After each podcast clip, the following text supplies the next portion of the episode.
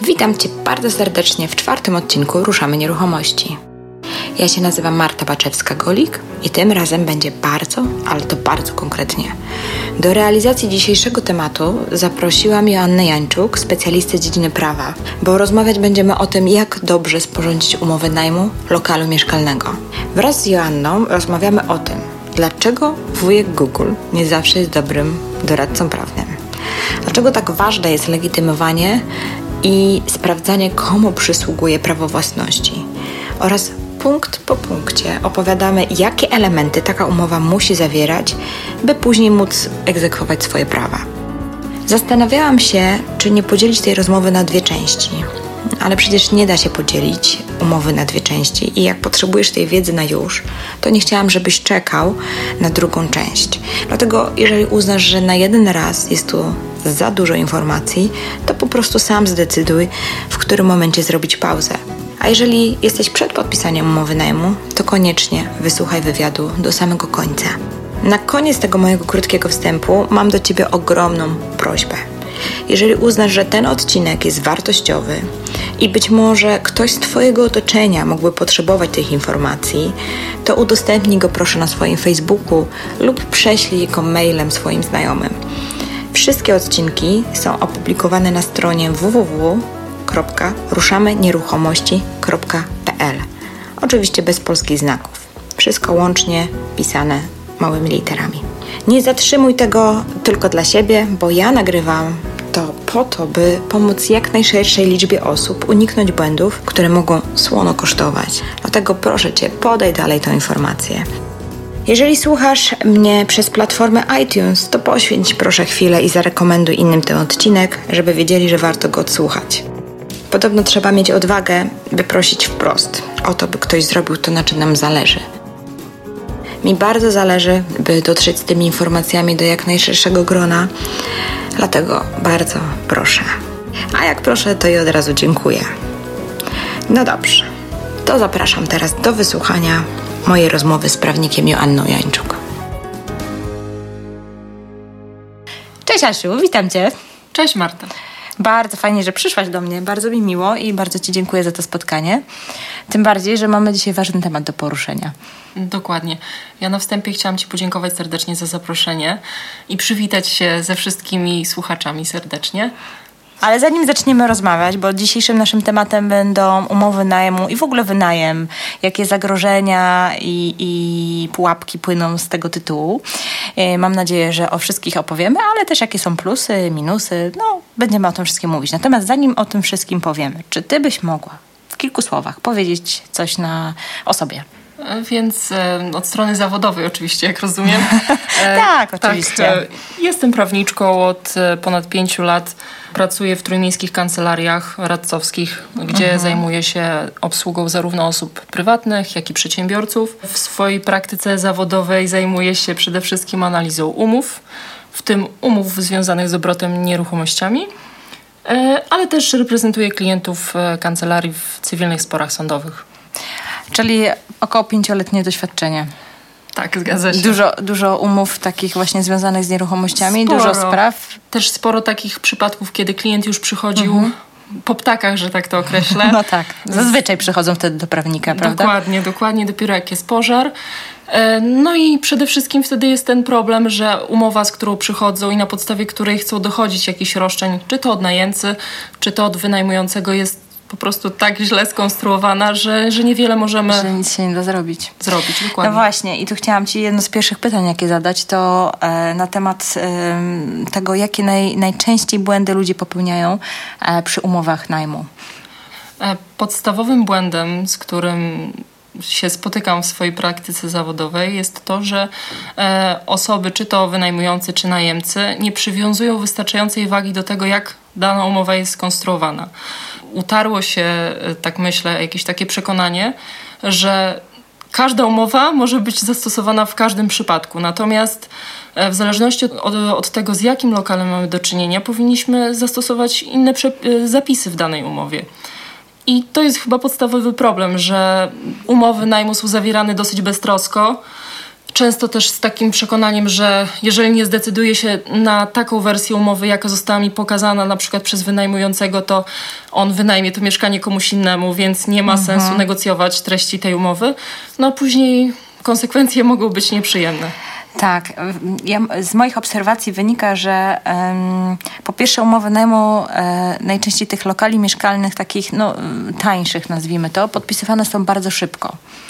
A w ogóle ten rynek, bynajmniej w Trójmieście, no nie wiem jak jest w innych e, mhm. miejscach e, w Polsce, natomiast myślę, że w dużych miastach jest podobna sytuacja, że ten rynek jest bardzo płynny, to się bardzo szybko dzieje, Dokładnie. że ludzie e, naprawdę te ogłoszenia są chwilę, tydzień, dwa i już po prostu nie ma takiej, takiego ogłoszenia, znika z rynku, a w związku z czym ta płynność tego rynku jest dosyć spora i szybka. W związku z czym ludzie też szybko podpisują umowy. No i szybko, szybko podpisywane umowy, ja przypuszczam, że wujek Google, tak, co tam wyskoczy, tak, tak, jaki wzór, to jest do wzięcia i, i po prostu, i już. Wszystkim on udziela porad prawnych. tak, wujek Google e, wszystko nam powie, też najmądrzejszy prawnik.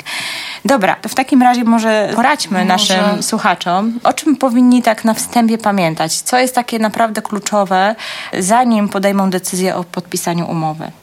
E, dobrze, no to może zróbmy najpierw to zastrzeżenie, że właściwie będziemy rozmawiać e, o umowach najmu lokalu mieszkalnego na cele mieszka okay, mieszkalne. Dobra, tak? dobra i skupmy bo, się na tym. Tak, tak, może na tym się skupmy, bo e, w przypadku lokalu wynajmowanego na działalność gospodarczą czy... Jakieś usługowego, dokładnie, tak? Dokładnie, lokalu usługowego, to, to, to Troszeczkę też, też zapisy w umowie wyglądają inaczej, więc może o tym porozmawiajmy. Dobra. E, no i... Jak będzie potrzeba i będziecie mieli taką potrzebę i napiszecie do nas albo na, zadacie pytanie, to nagramy kolejny odcinek o lokalach nie komercyjnych. Ma nie, nie, ma problemu. E, więc e, zaczynając mówić o tych umowach e, na lokale mieszkalne, przede wszystkim to już ten temat y, częściowo poruszyłyśmy, mhm. Y, związane z tym, że, że to wszystko się odbywa w pośpiechu, e, ale też e, wydaje mi się, że osoby często boją się pytać. Boją się pytać, czy osoba, która e, podaje się za wynajmującego, jest rzeczywiście wynajmującym. Jeżeli już dochodzi do zawarcia umowy, nie proszą o okazanie dowodu osobistego, podczas nie sprawdzają. To, podczas gdy to jest też kwestią kluczową, bo oczywiście powinniśmy wierzyć w dobroć w ludziach, natomiast to zaufanie, jeśli chodzi już o y, tego rodzaju czynności prawne, jak na przykład zawieranie umowy, musi być ograniczone.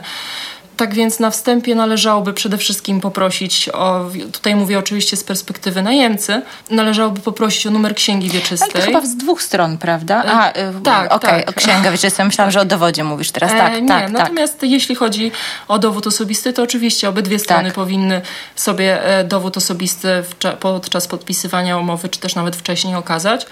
E, tak żeby obydwie strony miały pewność, że rzeczywiście tutaj wszystko jest, e, odbywa się prawidłowo i przede wszystkim by najemca wiedział, że, to wyna e, że wynajmujący jest właścicielem, ewentualnie osobą upoważnioną do tego, żeby ten tak. lokal wynajmować.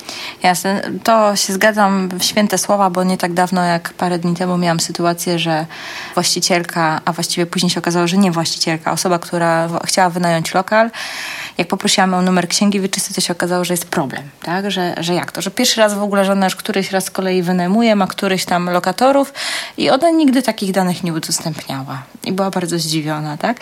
Także faktycznie e, jest coś takiego, że, że, że, ma, że ludzie mają jakąś taką barierę w ogóle, żeby się legitymować, tak? Się wydaje, że, że tu tak. szybko, szybko podpiszemy, a, a nie sprawdzą tego dowodu, nie sprawdzą tej księgi wyczystej, czy to jest, czy tam faktycznie jest e, osoba, która E, która się legitymuje tu domowodem, czy jest w księdze wieczystej, czy jest właścicielem. I jak już jesteśmy przy tym, to powiedz mi, e, dlaczego to jest tak ważne, żeby to był właściciel? Jakie w ogóle zagrożenia płyną, jeżeli na przykład wynajmiemy taki lokal od kogoś, kto no tylko mm, pośredniczo albo mówi nam, że ma upoważnienie, e, a jeżeli ma to upoważnienie, to jakie to powinno być? Czy mogłabyś nam tutaj powiedzieć?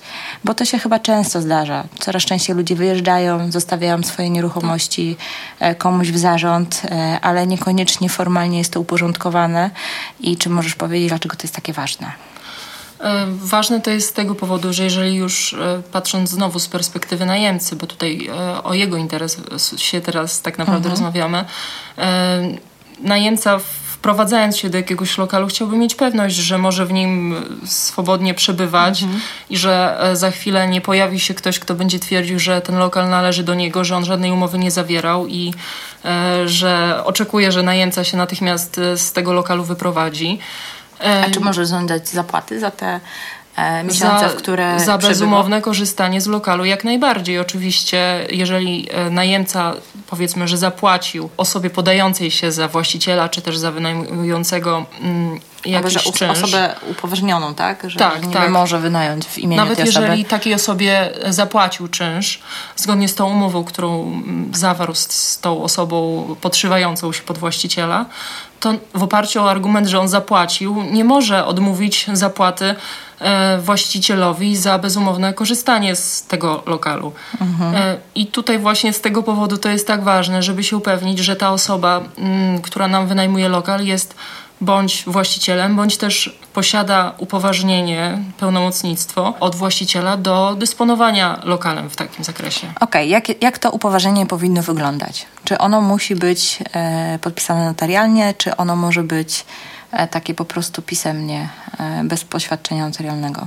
W mojej ocenie najlepiej by było, żeby to było e, pełnomocnictwo w formie aktu notarialnego. Co prawda tutaj nie mamy do czynienia z czynnością zbycia nieruchomości, natomiast pełnomocnictwo sporządzone przed notariuszem zawsze niesie ze sobą ten walor pewności, że dane osobowe zostały prawidłowo sprawdzone przez notariusza, że Aha. rzeczywiście to pełnomocnictwo zostało, nie, nie zostało podrobione, tylko zostało e, zgodnie z prawem sporządzone.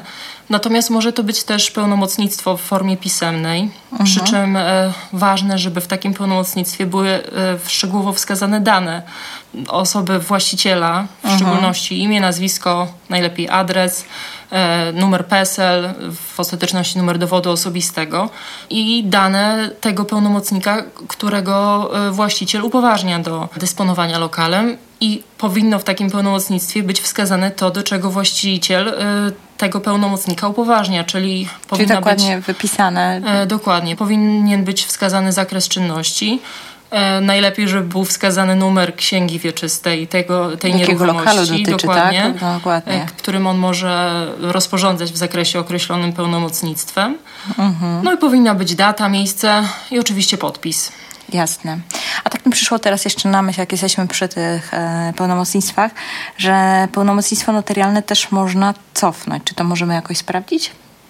To znaczy, czy, tak naprawdę... Czy jest ważne pełnomocnictwo notarialne?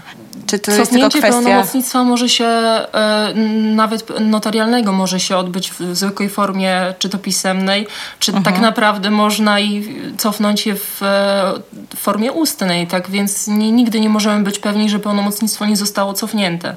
Możemy ewentualnie mhm. później e, bronić swoich praw, że tak to określę, wskazując, że tutaj dopełniliśmy staranności, sprawdziliśmy to pełnomocnictwo. Okay. I co, co, co ważne też, sprawdzając pełnomocnictwo, powinniśmy żądać e, wykonania przynajmniej kopii tego pełnomocnictwa, a najlepiej otrzymania oryginału, no bo jednak pełnomocnictwa można czy to u notariusza robić w odpisach, czy to w zwykłej formie pisemnej podpisać po prostu kilka egzemplarzy i powinniśmy taki egzemplarz e, na swój, jako załącznik do umowy. mieć, jako załącznik do umowy, dokładnie. Okej, okay, żeby mieć e, w razie co podkładkę, że dokładnie. było pełnomocnictwo i E, i, i tyle. No bo tak sobie myślę, że w każdej chwili faktycznie jak można cofnąć pełnomocnictwo, no to jakby ktoś Nigdy bardzo... nie możemy być pewni tak, w 100%. Snując że... teorie spiskowe.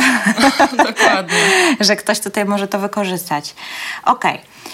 Każda umowa ma dwie strony, więc jak się domyślam, każda ze stron ma e, swoje interesy, o które musi zadbać w danej umowie. I fajnie by było, gdybyśmy mogły tutaj powiedzieć naszym słuchaczom, na jakie zapisy w szczególności powinien zwrócić uwagę właściciel danej nieruchomości, mhm. tak? O, o co powinien zadbać, e, żeby czuć się bezpiecznym w umowie i najemca równolegle. I tak Oczywiście. tak się zastanawiam, no, chyba po kolei zróbmy. Dokładnie. Dobra, zacznijmy od właściciela może, dobra? E, to znaczy ja bym proponowała może... E, taki, taki sposób omówienia, żebyśmy mówiły o konkretnej kwestii i byśmy Aha, mówiły, okay.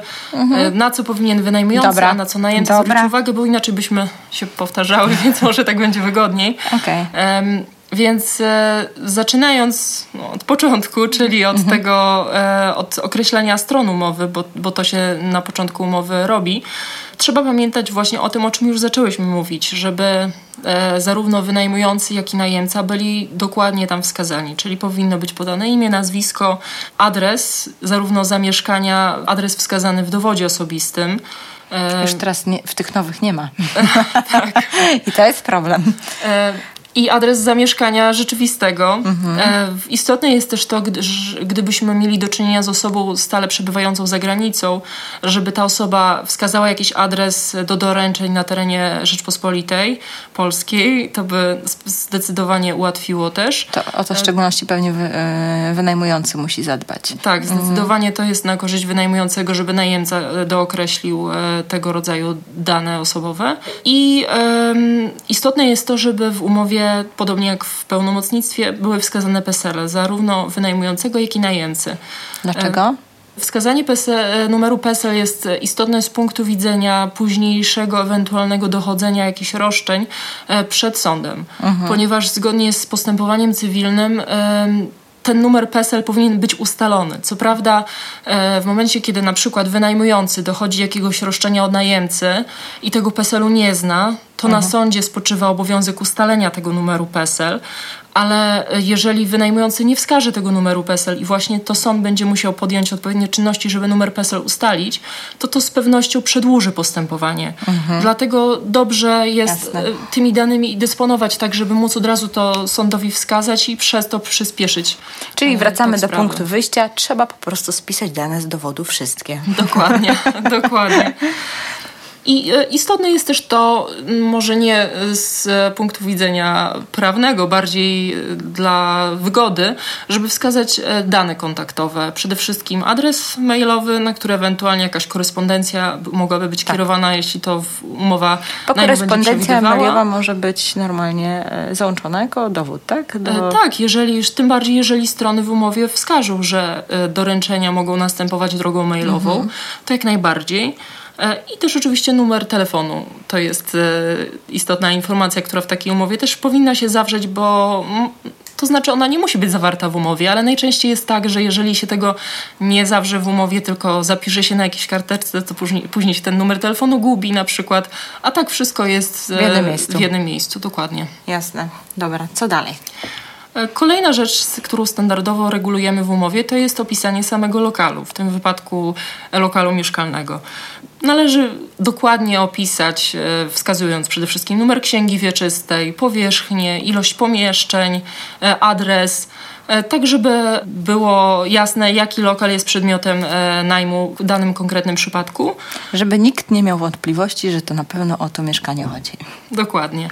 Standardowo też stosuje się zapisy mówiące o tym, jakiego rodzaju prawo przysługuje wynajmującemu. Czyli czy to jest prawo własności, czy to jest spółdzielcze własnościowe prawo do lokalu, czy mhm. spółdzielcze lokatorskie prawo do lokalu.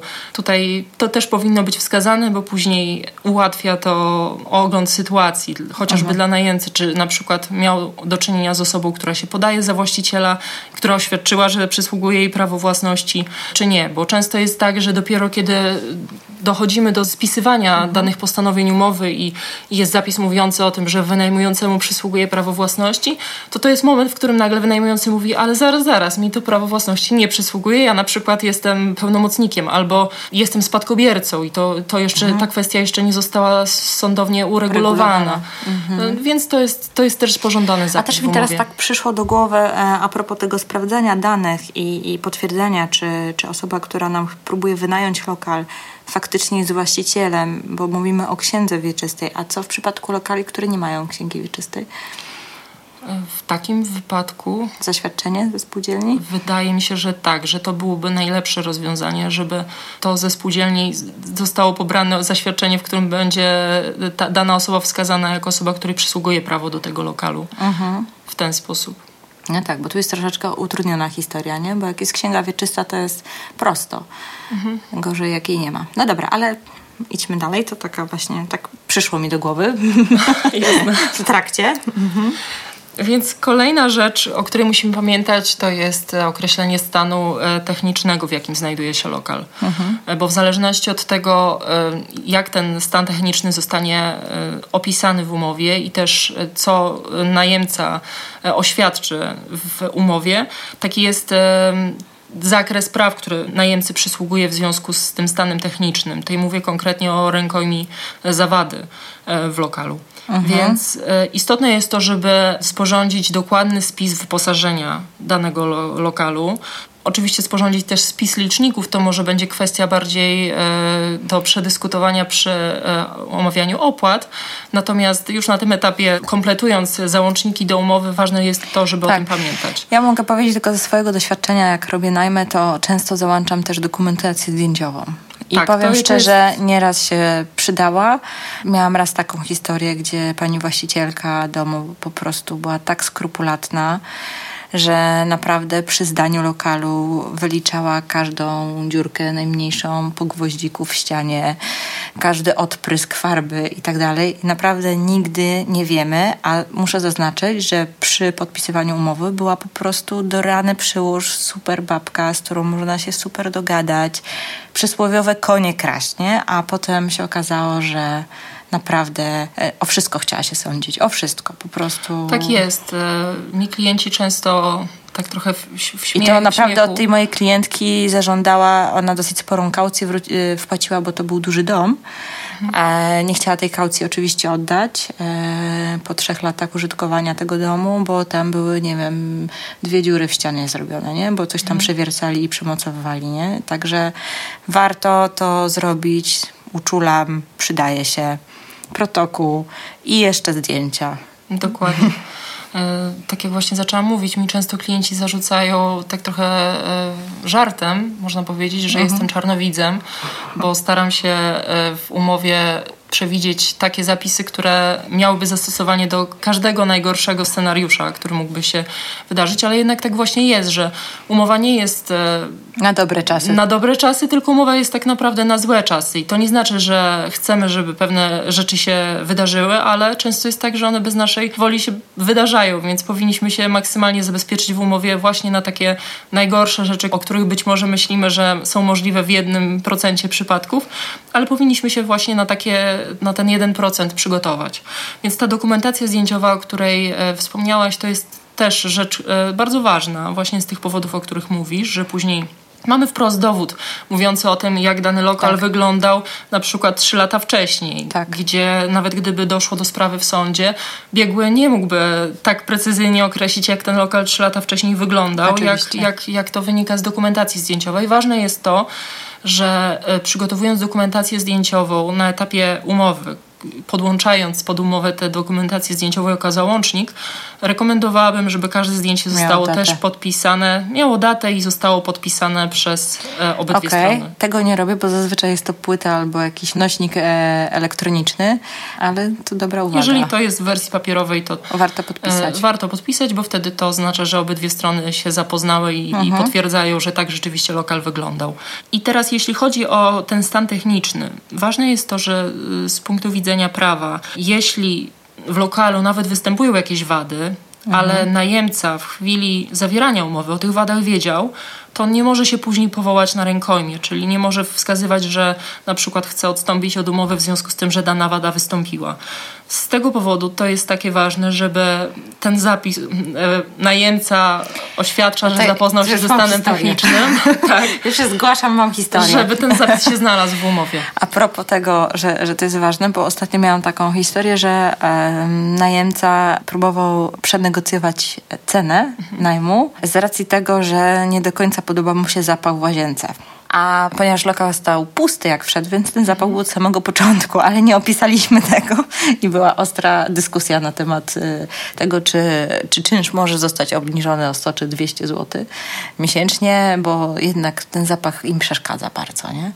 A bo mówi, były zapisy mówiące o tym, że on się zapoznał ze stanem technicznym, tak, zgłasza tylko, że ze stanem, tak, że nie, nie, nie, nie, nie, nie zgłasza zastrzeżeń, tak, więc po prostu nie udało mu się wynegocjować, ale tylko mówię, że faktycznie takie rzeczy się zdarzają i to nie są historie jakieś mhm. wyssane z kapelusza. Po prostu ludzie później wykorzystują takie historie, tak? Że, że coś tam znajdzie i stwierdzi, że, że jest nie tak i próbuje na przykład, no może się nie chce wyprowadzić, ale chociaż stówkę albo dwie urwę z tego czynszu, nie? Także próbują to wykorzystywać, także faktycznie warto o takich rzeczach pamiętać.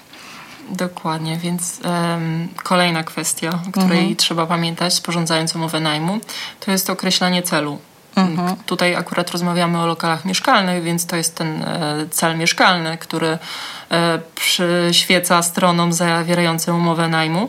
Natomiast e, to jest ważne, ponieważ w przypadku, kiedy takiego zapisu, na jaki cel dany lokal jest wynajmowany, jeżeli takiego zapisu w umowie nie ma, to wówczas może to być każdy cel, który odpowiada właściwościom i przeznaczeniu rzeczy, tak? Co powoduje, że najemca mógłby na przykład używać danego lokalu na przykład do prowadzenia działalności gospodarczej w jakimś tam wąskim zakresie i to by się nie sprzeciwiało tym właściwościom i mhm. przeznaczeniu danego A czy to lokalu. wpływa na podatki e, dla właściciela? Jeżeli on zacznie używać ten lokal jako na przykład, nie wiem, zrobi się z jednego pokoju biuro? dla właściciela, e, ale w kontekście no wynajęcia tak, całego um, tak, lokalu no, czy, czy, czy właściciel wynajmując lokal, w którym nie określi celu, Mhm. I na przykład zgłosi się do ryczałtu 8,5% jest tylko na lokale mieszkalne, nie? Mhm. To czy w momencie, gdy, nie wiem, no gdyby, no oczywiście tutaj teoretyzujemy, tak? tak? Ale gdyby była jakaś kontrola skarbowa i się okazało, że w tym lokalu jest prowadzona działalność gospodarcza, czy, czy urząd może taką osobę Wydaje, wezwać do, do jakichś innych opłat podatkowych? No bo ten ryczałt jest tylko na cele mhm. mieszkalne, nie? Tak. Można z tego korzystać. To znaczy, myślę, że to nie mogłoby stanowić zarzutu przeciwko wynajmującemu, szczególnie jeśli on nie wiedział o takim mhm. użyciu tego lokalu. Aha. Natomiast oczywiście, co urząd skarbowy, to interpretacja, więc tutaj nie mogę jednoznacznie określić, jak Jasne. dany urząd skarbowy by się zachował. To tak, taka ciekawa myśl mi przyszła na głowę, mhm. nie? Tak, ale chociażby z punktu widzenia lokali, które są spółdzielczymi, e, lokatorskimi na przykład e, lokalami mhm. i Tutaj w przypadku prowadzenia działalności gospodarczej istnieje wymóg uzyskania zgody ze spółdzielni. Więc w takim wypadku też e, prowadzenie działalności gospodarczej przez najemcę w danym lokalu mogłoby wiązać się z jakimiś e, problemami dla wynajmującego, e, że on tej zgody od spółdzielni nie uzyskał. Rozumiem. Nie, bo tak sobie myślę, że często yy, się zdarza, że, że ludzie faktycznie prowadzą, no coraz częściej w dzisiejszych czasach, że ludzie pracują z domu i tak. gdzieś tam sobie mimo wszystko jakąś tam formę, może to nie jest jakieś typowe biuro, ale no jest jakaś tam forma prowadzenia działalności y, z domu. I tak się właśnie Tylko nigdy nie rozważałam tego w kontekście właśnie takim w przypadku prowadzenia działalności z domu, y, z tego co się orientuję, to jednak y, na osobie, która prowadzi tę działalność w domu i robi to w sposób formalny, na zasadzie, że e, nie ma gdzieś e, swojego miejsca e, działalności gdzieś indziej określonego, a po prostu faktycznie w domu wykonuje te czynności, tylko w domu chce mhm. daną na przykład część lokalu przeznaczyć na miejsce prowadzenia działalności gospodarczej, to musi mieć umowę najmu, która wprost wskazuje, że to jest na cele prowadzenia tej działalności, tak żeby móc to przedłożyć już w ramach, tak, do Urzędu Skarbowego w ramach swojej działalności, więc w takich wypadkach jednak taka umowa byłaby wprost wymagana. Taka dygresja. Dobra, co tam jeszcze ważnego jest? No jeszcze jest bardzo jeszcze... powoli się zbliżamy do, do omówienia wszystkich elementów. Mhm. Jesteśmy bardziej w pierwszej części niż w drugiej. E, kolejna rzecz, którą, o której należy pamiętać, to jest określenie czasu trwania umowy bo umowa może być zawarta bądź na czas oznaczony, bądź na czas nie, nieoznaczony. I tu mam dużo często pytań e, od klientów. Jak tą umowę oznaczyć? Znaczy, jak określić ten czas? I czy w ogóle, jeżeli określimy czas, to czy możemy sobie dać jeszcze furtkę pod tytułem, że jednak możemy tą umowę rozwiązać? Czyli, że na przykład, nie wiem, omawiamy się, że zawieramy umowę na rok, ale z trzymiesięcznym wypowiedzeniem na przykład. Trochę takie, trochę bez sensu, bo albo na raka, albo z trzymiesięcznym wypowiedzeniem, ale mhm. często ludzie to stosują i, i tak właśnie sama się czasami nawet nad tym zastanawiam, czy to ma w ogóle jakiś sens, czy nie. To ma o, tak, o tyle taki sens, że w przypadku umów oznaczonych umowa taka może być wypowiedziana tylko w przypadkach e, określonych w danej umowie. Mhm. Więc jeżeli na przykład taką umowę przygotowuje wynajmujący, i w umowie nie zostaną przewidziane możliwości wypowiedzenia tej umowy przez najemcę, to tak naprawdę jest on związany tym czasem, na który umowa została zawarta. Czy to wiąże się ze skutkiem, że jeżeli mimo to ktoś, nie wiem, zerwie no, różne życiowe sytuacje, wyprowadzi się i tak dalej, to będzie musiał zapłacić za, Dokładnie. za pozostałe miesiące do, do końca? Okay. Oczywiście są przypadki, w których taka umowa może być rozwiązana, na przykład jeśli stan techniczny lokalu jest tak zły, że nie można w nim już dłużej mieszkać, natomiast mhm. są to przypadki naprawdę jednostkowe, skrajne. skrajne. Mhm. Tak, więc oczywiście tutaj analizując zapis mówiący o czasie trwania umowy z perspektywy wynajmującego i z perspektywy najemcy. W zależności od tego, na czym e, poszczególnym osobom zależy, to można wskazać, że i, i umowa na czas oznaczony ma swoje plusy, i umowa na czas nieoznaczony ma swoje plusy. Tak jak wspomniałaś, trochę to się ze sobą gryzie. E, umowa na czas oznaczony, a jednocześnie zapis w tej umowie, że można ją wypowiedzieć z na przykład trzymiesięcznym okresem no. wypowiedzenia. Natomiast takie zapisy często są bardzo stosowane, więc tak naprawdę tutaj, jeśli chodzi o czas oznaczony i nieoznaczony, to już tylko pozostaje do uznania. Okej, okay, to, to tak podsumujmy. Jakie są plusy czasu oznaczonego, a jakie są minusy? Plusem czasu oznaczonego z perspektywy wynajmującego jest to, że jeżeli w umowie nie przewidzi możliwości wypowiedzenia takiej umowy dla najemcy, mhm.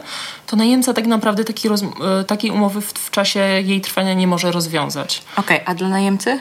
Dla najemcy to jest to, że, że, że z drugiej strony dokładnie, że ma ten mhm. lokal zapewniony na oznaczony czas.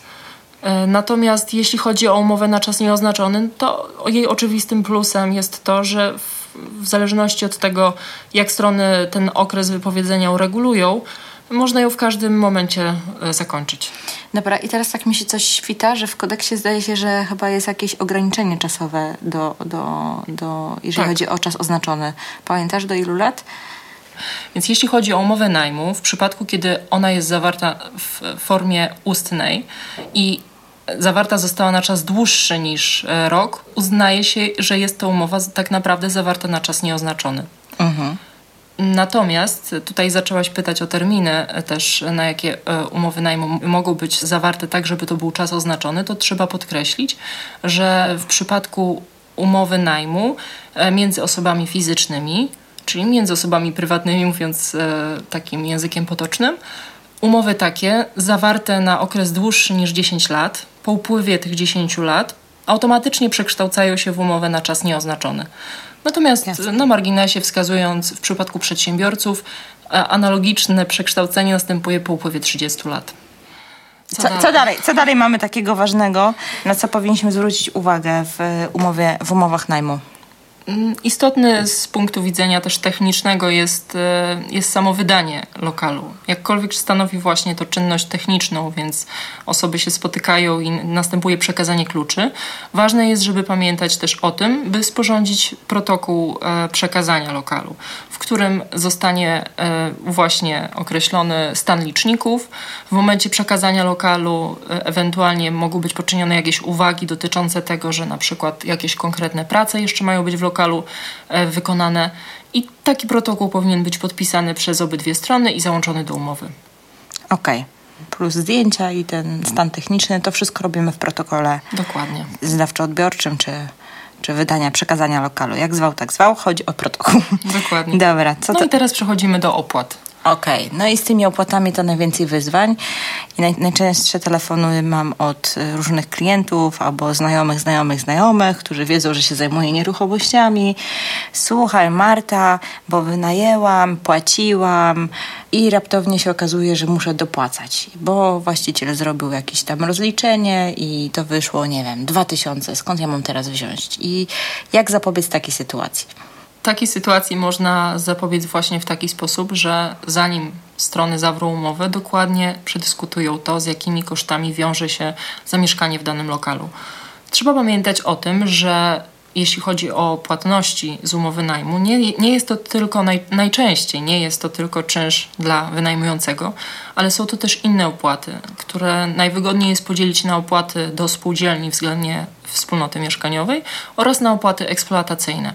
Z punktu widzenia najemcy najbardziej korzystnym rozwiązaniem, przynajmniej w mojej ocenie, jest oczywiście ustalenie jakiejś kwoty całkowitej, swoistego ryczałtu, który będzie comiesięcznie, na, na przykład comiesięcznie uiszczał wynajmującemu i nie będzie już musiał e, uiszczać żadnych opłat e, eksploatacyjnych czy też czynszu do spółdzielni względnie wspólnoty.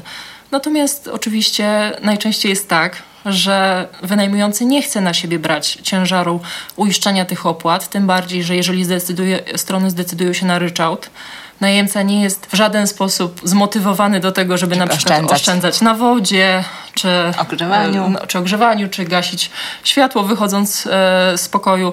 Więc e, te opłaty mogą być znaczne i to jest spore ryzyko dla wynajmującego, żeby zobowiązać się do uiszczania tych opłat. Stąd w umowie najlepiej jest uregulować te płatności, kategoryzując je na trzy grupy, czyli osobno opisując e, czynsz dla wynajmującego, osobno opisując czynsz do spółdzielni wspólnoty i osobno opisując opłaty eksploatacyjne. A co myślisz o przepisywaniu liczników na najemcę?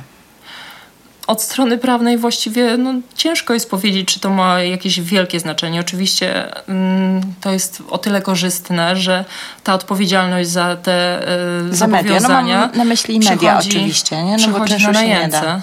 Natomiast to też strony muszą ustalić, co, co jest dla nich wygodniejsze i na co chcą się zdecydować. Tym bardziej, że jeżeli e, wynajmujący na przykład planuje krótkoterminowy najem, to też nie zawsze ma sens przepisywanie tych liczników. No to fakt, to nie ma sensu. Natomiast przy takich dłuższych, już rocznych umowach ja to zachęcam, bo tak sobie myślę, że to jest wtedy przejrzyste. Najemca dostaje swoją fakturę ze swoim nazwiskiem za tyle, ile zużył. Nie ma jakichś niedomówień, że, że później jakieś niedopłaty, nadpłaty a z kolei właściciel ma tą pewność, że, że faktycznie po pierwsze nie ma tego problemu, że musi to rozliczać, to jest pierwsza rzecz, i pilnować tych faktur i, i tych liczników. Czasami to się wiąże z jakimiś dziwnymi przeliczeniami, kto ile użył i tak dalej, i tak dalej. To po pierwsze ma problem z głowy, a po drugie ma pewność, że te opłaty faktycznie, to co zużyją najemcy po prostu będą musieli pokryć. Dokładnie. Oni. No też ważne jest to, że są opłaty, które zależą od zużycia, a są opłaty, tak jak na przykład za internet, które wiążą się najczęściej z miesięcznym abonamentem. I w przypadku, kiedy e, opłatę za internet ponosi wynajmujący, i na przykład ma jakiś przestój na zasadzie, że dany najemca się wyprowadził i mieszkanie przez kilka miesięcy stoi puste, to w dalszym ciągu jest on zobowiązany do uiszczania do tych opłat. Z tego Jasne. też powodu z pewnością bardziej korzystne jest, żeby te opłaty i w ogóle zawarcie umowy na dostawę internetu, żeby ten ciężar wziął na siebie najemca. Jasne.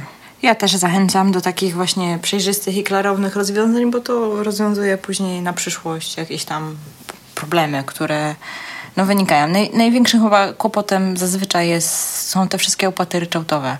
Czyli w mieszkaniach, w spółdzielniach, e, ogrzewanie, Dokładnie. woda, e, gaz, z tego względu, że one mm, płaci się jakiś ryczałt i potem zazwyczaj dwa razy do roku są rozliczania. No i, i, i wtedy albo najemca się może zaskoczyć, bo faktycznie raptownie przychodzi, że za ogrzewanie trzeba zapłacić dodatkowo 1000 zł czego się nie spodziewał i zazwyczaj tutaj się pojawia problem. A z kolei dla wynajmującego może być problem, jak już najemcy nie ma, nie? Bo później szukaj wiatru w polu, nie? Dokładnie. I z tego powodu bardzo ważne jest to, żeby nie tylko dokładnie określić termin płatności, sposób płatności, wskazać rachunek bankowy, bo tak najczęściej te płatności są uiszczane, ale też, żeby zawrzeć dokładne zapisy mówiące o tym, że najemca ma świadomość, w jakiej wysokości w chwili obecnej te, te opłaty występują szacunkowo, mhm. na przykład jeśli chodzi o czynsz e, do spółdzielni czy do wspólnoty, a, a też zawrzeć zapisy, z których będzie wynikało, że najemca ma świadomość, iż takie płatności mogą wystąpić również po zakończeniu najmu, w związku z rozliczeniem późniejszym tych okresów, w których on zamieszkiwał w danym lokalu. Mhm. Warto jest też y, przewidzieć zapis mówiący o obciążaniu y, najemcy odsetkami związanymi z opóźnieniem w płatności za media przez najemcę. I to nie mówię tutaj o odsetkach dla wynajmującego, ale dla, o odsetkach dla dostawców mediów. Tak, żeby najemca, który się spóźnia z zapłatą danej faktury czy danego rachunku, wiedział też, że, że te odsetki, które się pojawią, spoczywają, ciężar zapłaty tej, tych kwot spoczywa na nim. Tym bardziej, że energia na pewno nam doliczy te odsetki, nawet jeżeli to jest 50 groszy, to do faktury doliczy za opóźnienie, bo oni są bardzo skrupulatni, jeżeli chodzi o te rzeczy. I taka ostatnia kwestia, jeśli chodzi o płatności, to też to, że w umowie można przewidzieć klauzulę waloryzacyjną, czyli przewidzieć taką możliwość, że jeżeli w szczególności mamy do czynienia z najmem długoterminowym, że ta kwota czynszu będzie waloryzowana. Mhm. A właśnie a propos podnoszenia czynszu, czy w przypadku długoterminowej umowy, czy właściciel ma prawo nam podnieść czynsz, czy nie w trakcie jej trwania? Jak to wygląda? Jak najbardziej ma takie prawo. Powinien e, zastosować przynajmniej miesięczne wypowiedzenie mhm. E, wysokości czynszu, ale taka... Czyli to może być też plusy chyba umowy tej na czas oznaczona, nie? Że w trakcie tego oznaczonego czasu czynsz musi być tej wysokości, która został, mm, został ustalony w umowie, e, czy, czy, czy w trakcie trwania umowy na czas oznaczony też może podnieść czynsz właściciel? To znaczy, jeśli umowa jest oznaczona na, yy, znaczy jest zawarta na czas na oznaczony. Na... Załóżmy, że ktoś, wynajm... mhm. podajmy na przykładzie, bo to będzie łatwiej. Zakładajmy, że wynajmuję mieszkanie na rok, umawiam się tam, nie wiem, od 1 stycznia do 31 grudnia yy, i umawiamy się, nie wiem, na 1500 zł e, plus te wszystkie opłaty według rozpisania, jak mówiłyśmy wcześniej, tak? Mhm. I teraz pytanie, czy na przykład w czerwcu właściciel może podnieść mi czynsz w trakcie trwania tej umowy? Wynajmujący może podnieść e, wysokość czynszu w trakcie trwania umowy, z tym zastrzeżeniem, iż może zrobić to jedynie raz na 6 miesięcy i musi zastosować w przypadku wypowiedzenia wysokości czynszu trzymiesięczny okres wypowiedzenia. Mhm. Czyli możemy się spodziewać, że to w sumie wyjdzie nam 9 miesięcy. 6 plus 9. Tak. No, dokładnie, taka ładna liczba, 9 miesięcy. Za 9 dokładnie. miesięcy można mieć podwyżkę czynszu. I okay. ważne jest też to, że to wypowiedzenie wysokości czynszu powinno się odbyć na piśmie. E, oczywiście w odniesieniu do opłat niezależnych od wynajmującego, czyli na przykład opłat za media czy czynszu do spółdzielni, taka podwyżka może wystąpić częściej, przy czym Musi wynajmujący, tak, wynajmujący musi przedstawić najemcy zestawienie, z którego będzie wynikać, że rzeczywiście taka podwyżka nastąpiła. Okej, okay, a możemy się jakoś za zabezpieczyć z punktu widzenia najemcy przed taką podwyżką? Jeżeli na przykład, tam, nie wiem, na rok czy na dwa lata wynajmujemy jakiś lokal mieszkalny i chcemy mieć pewność, że ten czynsz się nie, zmieni, nie, nie zmieni? Strony zawsze mogą się umówić w umowie, że nie będzie dokonywana podwyżka w trakcie trwania, w trakcie umowy. Trwania umowy. Na przykład na czas oznaczony, tak? Natomiast y, to, czy wynajmujący nie skorzysta mimo wszystko z takiego uprawnienia, też zależy już od woli wynajmującego, ponieważ on okay. ten czynsz może próbować podwyższyć, wskazując na przykład właśnie na zmianę okoliczności jakichś związanych z e, kosztami utrzymania tego lokalu. I ewentualnie później e, najemca może się bronić tym zapisem. Natomiast na ile skuteczna będzie obrona, wskazując wynajmujący, że przecież strony się umówiły na konkretną okoliczność, to też zależeć będzie od tego, pod jakim rygorem ten zapis został do umowy wprowadzony. Na przykład, Co to oznacza? Oznacza to, że strony mogą się umówić, że mhm. wynajmujący zobowiązuje się przez cały okres trwania umowy do niepodwyższania stawki czynszu pod rygorem na przykład nałożenia kary umownej na wynajmującego w danej kwocie w przypadku podwyższenia tej stawki czynszu. Nigdy Albo, się z takim zapisem nie spotkałam. No, bo kary umowne to nie, nie są zapisy, które y, są standardowo przez osoby sporządzające w szczególności samodzielnie umowy stosowane, bo zastosowanie kary umownej w umowie wiąże się ze wskazaniem konkretnej kwoty, która musiałaby być przez jedną stronę zapłacona drugiej, a jak dochodzimy do takiej, takiego przypadku, gdzie się wskazuje 1000 zł, 500 zł, 2000 zł, to strony zazwyczaj takiego zobowiązania nie chcą podpisać. Aha. Natomiast też można przewidzieć e, możliwość wypowiedzenia umowy w przypadku e, gdy wynajmujący zdecydowałby się na podwyższenie. Wtedy najemca ma tę furtkę, że jeśli to podwyższenie nie będzie mu odpowiadało, to może tę umowę zgodnie z zapisem konkretnym wypowiedzieć. Wypowiedzieć. No jest okej, okay, nie? Jakoś tak jeszcze parę punktów widzę, że tu masz e, w swoich notatkach. E, coś jeszcze istotnego pominęłyśmy, czy już raczej o większości rzeczy powiedziałyśmy? Warto jeszcze wspomnieć o kilku e, postanowieniach, które warto wprowadzić do umowy. Na przykład strony powinny uregulować kwestię ewentualnej zmiany przeznaczenia lokalu, czy kwestię podnajmu, czy oddawania w bezpłatne użytkowanie.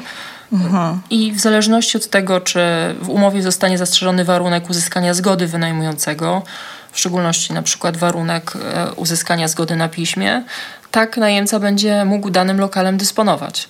Ponieważ jeżeli w e, umowie nie ma wprost zawartego postanowienia, iż najemca nie może bez zgody wynajmującego danego lokalu podnajmować bądź oddawać go w bezpłatne użytkowanie, to wówczas taką możliwość najemca posiada. Okej, okay. jasne. Czyli trzeba wyraźnie to zaznaczyć. Tak. A czy może podnająć, yy, nie wiem, część albo cały lokal, podnajmować dalej? Jeżeli nie ma w umowie zapisu zabraniającego takiego to podnajmu, może. I nawet może. jeżeli czerpie z tego jakiś tam zysk?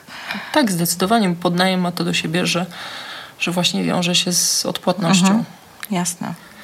E, kolejna rzecz, o której warto pamiętać, to zastrzeżenie, to tutaj mówię w szczególności z perspektywy wynajmującego, zastrzeżenie prawa do kontroli stanu lokalu. Co do zasady, y, wynajmujący ma prawo skontrolować y, stan lokalu w czasie trwania umowy najmu, na przykład z jakimś w, wyprzedzeniem, uprzedzając najemcę, że, że taka kontrola nastąpi. Natomiast w umowie... I w obecności najemcy Tak, być, w obecności oczywiście. Natomiast w umowie warto zastrzec, że, że może to czynić w każdym czasie. Zawsze wtedy najemca też wie, na jaką, że tak to określę, współpracę z wynajmującym się decyduje. Ważne są też zapisy mówiące o przestrzeganiu przez najemcę ciszy nocnej, zapisy mówiące o możliwości e, posiadania zwierząt w lokalu, e, zapisy mówiące o zakazie na przykład palenia tytoniu, czy też korzystania z innych środków odurzających. Na ile to można faktycznie wyegzekwować? To znaczy nawet jeśli nie można tego na bieżąco kontrolować, egzekwować w przypadku, kiedy wynajmujący by e, w czasie którejś z kontroli zorientował, że na przykład w mieszkaniu pojawił się jakiś wskazujący na obecność zwierząt albo na palenie tytoniu zapach, to wówczas, e, jeżeli w umowie wprost był taki zakaz zawarty, będzie miał podstawy do tego, żeby umowę rozwiązać, tak, żeby umowę rozwiązać, e, wskazując na rażące naruszenie postanowienia umowy przez najemcę. Również co do ustania najmu. Ważne jest to, żeby dokładnie określić, w jaki sposób, e, w jaki sposób, w jakim terminie najemca ma ten lokal opróżnić. Należy e, też z takiej czynności sporządzić protokół, ponieważ ten protokół jest istotny szczególnie z punktu widzenia rozliczenia kaucji, o czym za chwilę.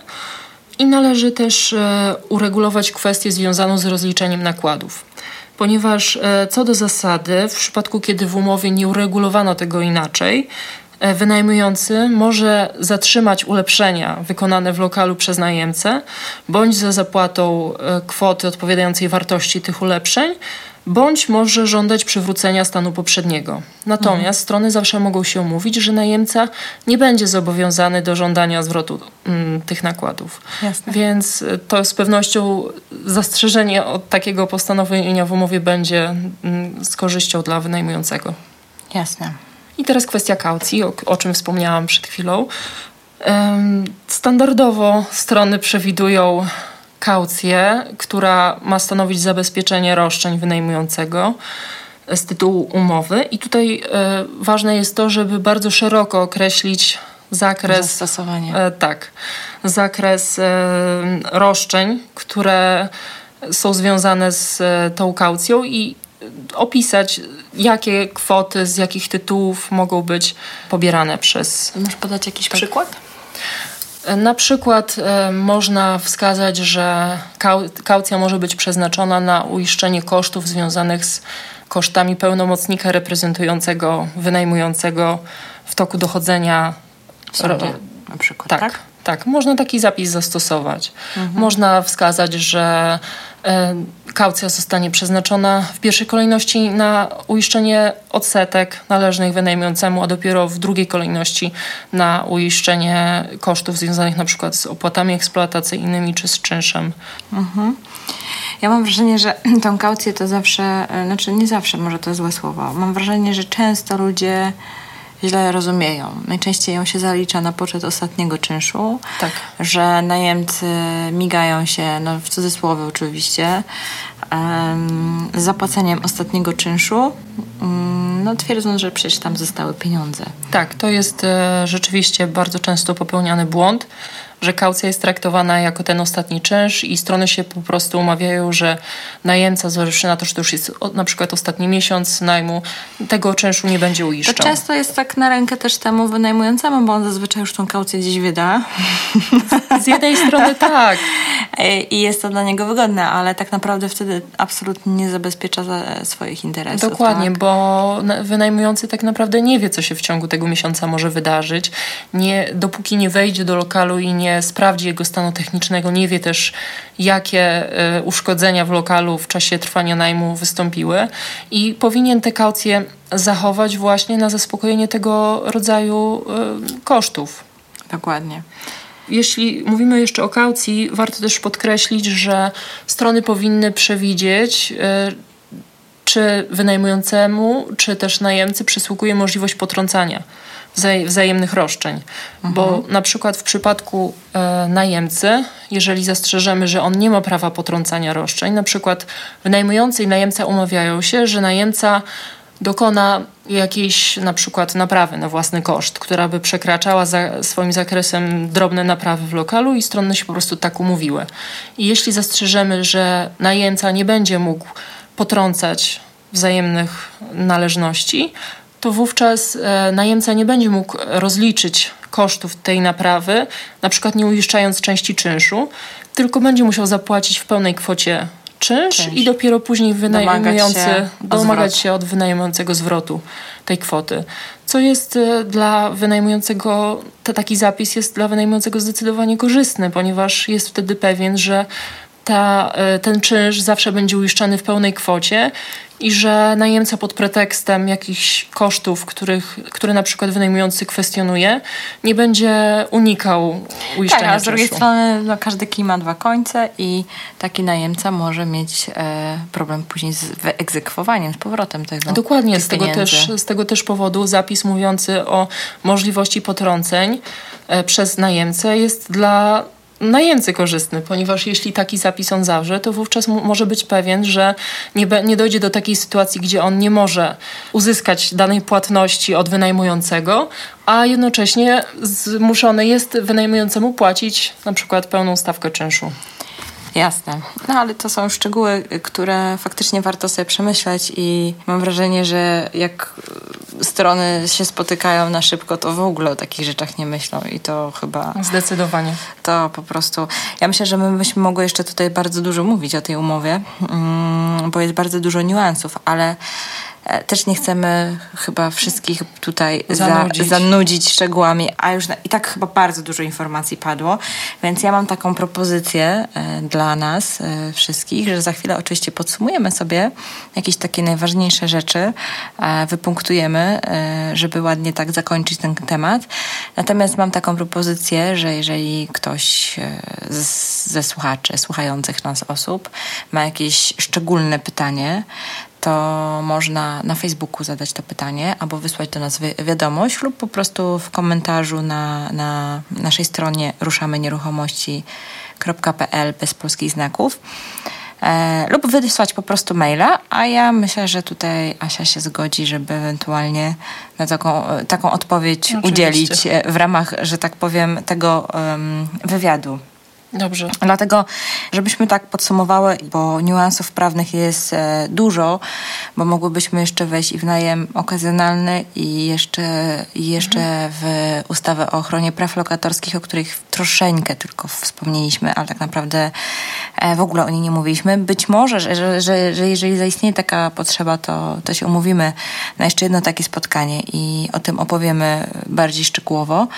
Natomiast... E, żebyśmy podsumowały. Mm, co tak naprawdę jest taki, takie kluczowe? O czym musi, musicie pamiętać, jeżeli podpisujecie umowy najmu, tak? Co musi tam się zawrzeć? Oprócz już oczywiście opisania nieruchomości i o, sprawdzenia wszystkich danych osobowych, tak? O których dużo mówiliśmy na początku, żeby się nie powtarzać, ale takie kluczowe jeszcze punkty dosłownie w dwóch, trzech zdaniach, jakbyś mogła to tak podsumować, tak? Że, żeby, żeby po prostu pamiętać o tych takich e, najważniejszych rzeczach. To znaczy, z mojej perspektywy, wszystkie te, te rzeczy, o których mówiłam, są ważne. Natomiast, Tego się bałam. Natomiast, e, żeby to może tak skrócić i powiedzieć to może prościej, mhm. E, ważne jest to, że w momencie, kiedy dwie strony chcą zawrzeć te umowy najmu, żeby one się zastanowiły, jak ten najem ma tak naprawdę działać. Na zasadzie, jeżeli jestem wynajmującym, to przygotowując taką umowę, zastanawiam się, jak ja tak naprawdę chciałbym się e, komunikować, rozliczać z tym najemcą. Zastanawiam się na przykład kwestia płatności. Chcę otrzymywać opłaty do tego i do tego dnia. Chcę, żeby on uiszczał bezpośrednio do spółdzielni, czy e, uiszczał bezpośrednio opłaty eksploatacyjne. Mhm. Wszystkie takie praktyczne aspekty powinny być w umowie, nawet jeżeli... Opisane w szczegółach. Jeżeli takim e, nieprawniczym językiem, ale jednak e, czytelnym dla obydwu stron, powinny być opisane. Kwestie techniczne związane z przekazaniem lokalu, to, o których tutaj mówiłyśmy, takie rzeczy po prostu strony powinny szczegółowo opisać, tak żeby wiedziały, na co się umawiają i żeby później nie było żadnych niejasności, nieporozumień z tego tytułu.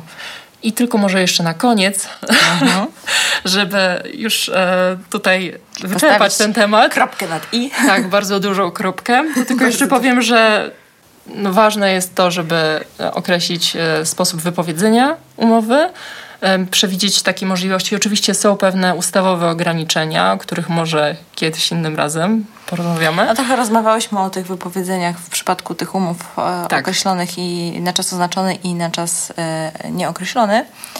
E, ale coś jeszcze do tego oprócz Nie, tego? Może, może tylko tyle, że to też trzeba zastrzec.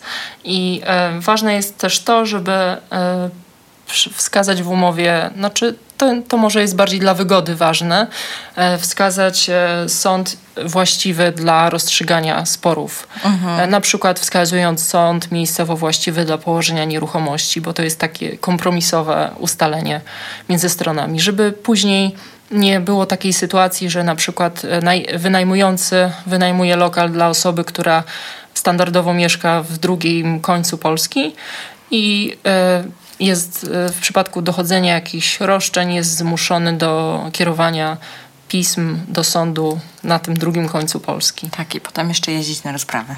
Tak, i oczywiście jeśli mamy do czynienia z e, najmem dla cudzoziemców, trzeba oprócz zastrzeżenia właściwości sądu zastrzec też właściwość prawa. Bo to, że zastrzegamy właściwość sądu polskiego, danego konkretnego, nie oznacza, że jedno, automatycznie ten sąd zobowiązany jest do stosowania prawa właściwego. Naprawdę? Tak. Czyli to nawet jeżeli lokal, lokal jest na terenie Polski, to dla y, uniknięcia niejasności należy zastrzec również właściwość prawa, prawa polskie, polskiego. Tak? tak? A nie jakieś tam amerykańskie, brytyjskie czy jakiekolwiek tak. inne, tak? O proszę, no widzisz, człowiek się cały czas czegoś uczy, dlatego lubię swój zawód, bo wiecznie się czegoś nowego dowiaduje. I w takich rozmowach e, to już w ogóle. Dobra, Asiu, bardzo, bardzo Ci serdecznie dziękuję za tą y, szczegółową rozmowę. I to, co polecam, chociaż wiem, że się szybko sprawy dzieją i że chcemy szybko znaleźć najemcę, albo najemca chce znaleźć szybko lokal mieszkalny, zachęcam do tego, żeby jednak dać sobie chwilę czasu na przemyślenie tej umowy i zastanowienie się e, nad, nad jej zapisami, chociaż odrobinkę więcej i nie zdawać się tak w, w 100% na wujka Google, I bo on niestety nie zna waszej sytuacji. I nie polegać na to, że po prostu będzie dobrze. Tak, i, i nie wierzcie, że byle jaki szablon e, ściągnięty właśnie z internetu będzie wystarczający. Zawsze spójrzcie na swój, swoją sytuację konkretną. To takie rady ode mnie jako pośrednika, a najlepiej to skorzystajcie z porady albo fajnego prawnika, albo e, doświadczonego pośrednika. To się wiąże z jakimiś kosztami, ale czasem warto. Dziękuję serdecznie za rozmowę. Dzięki.